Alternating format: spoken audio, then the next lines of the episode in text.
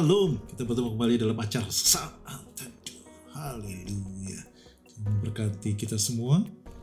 Dan ayat pagi hari ini dari Matius 20. Kerajaan surga Tuhan Yesus umpamakan seperti seorang Tuhan yang mencari orang upahan untuk mengerjakan kebun anggurnya. Lalu kita tahu ceritanya pagi-pagi sekali Tuhan itu mencari orang upahan lalu sepakat kerja satu hari dapat satu dinar. Tapi ternyata ketika dia keluar lagi ada orang yang masih nganggur, dia panggil lagi jam 9. Dapat upah satu dinar juga dijanjikan. Dan jam 12 dan jam 5 petang. Jam 5 petang sudah hampir selesai pun ketika lihat masih ada orang yang butuh kerja, diundang untuk mengerjakan dan ketika petang hari mereka semua dikumpulkan. Lalu dipanggil masing-masing. Lalu yang paling terakhir dikasih upah satu dinar.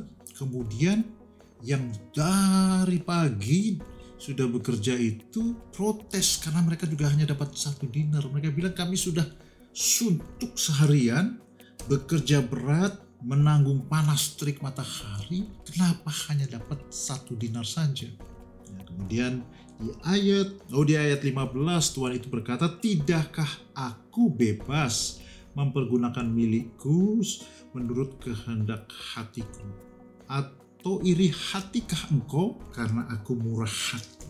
Orang yang tidak dapat pekerjaan sampai jam 5 diundang dikasih satu dinar. Orang yang pagi-pagi sudah mulai kerja iri hati. Kalau di dalam terjemahan yang lain, apakah matamu menjadi jahat? Karena melihat Tuhan itu bermurah hati kepada orang yang mulai kerja jam 5 petang. Haleluya. Ini kisah yang menarik sekali bahwa Tuhan itu tidak memberi upah. Terus saja kita diselamatkan dengan cuma-cuma tapi kita akan mendapatkan upah berdasarkan perbuatan yang kita lakukan selama kita hidup.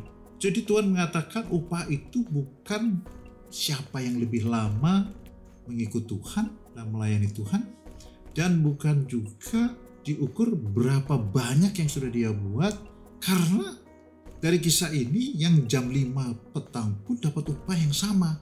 Berarti juga Tuhan itu memberi upah bukan berdasarkan siapa yang lebih dulu dan lebih banyak sudah melakukan, tapi yang setia sampai akhir. Karena di kisah ini ketika petang baru diberi upah.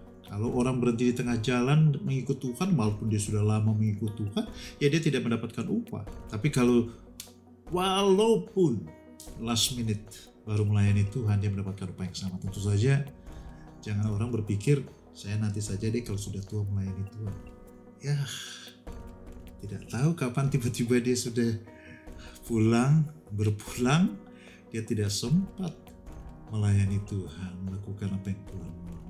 Dan Tuhan Yesus kemudian mengatakan, demikianlah orang yang terakhir akan menjadi yang terdahulu, dan yang terdahulu akan menjadi yang terakhir. Artinya ada orang yang lebih duluan mengikut Tuhan melayani Tuhan. Tapi karena kelakuannya, kode dalam kisah ini dalam kisah ini kelakuan apa?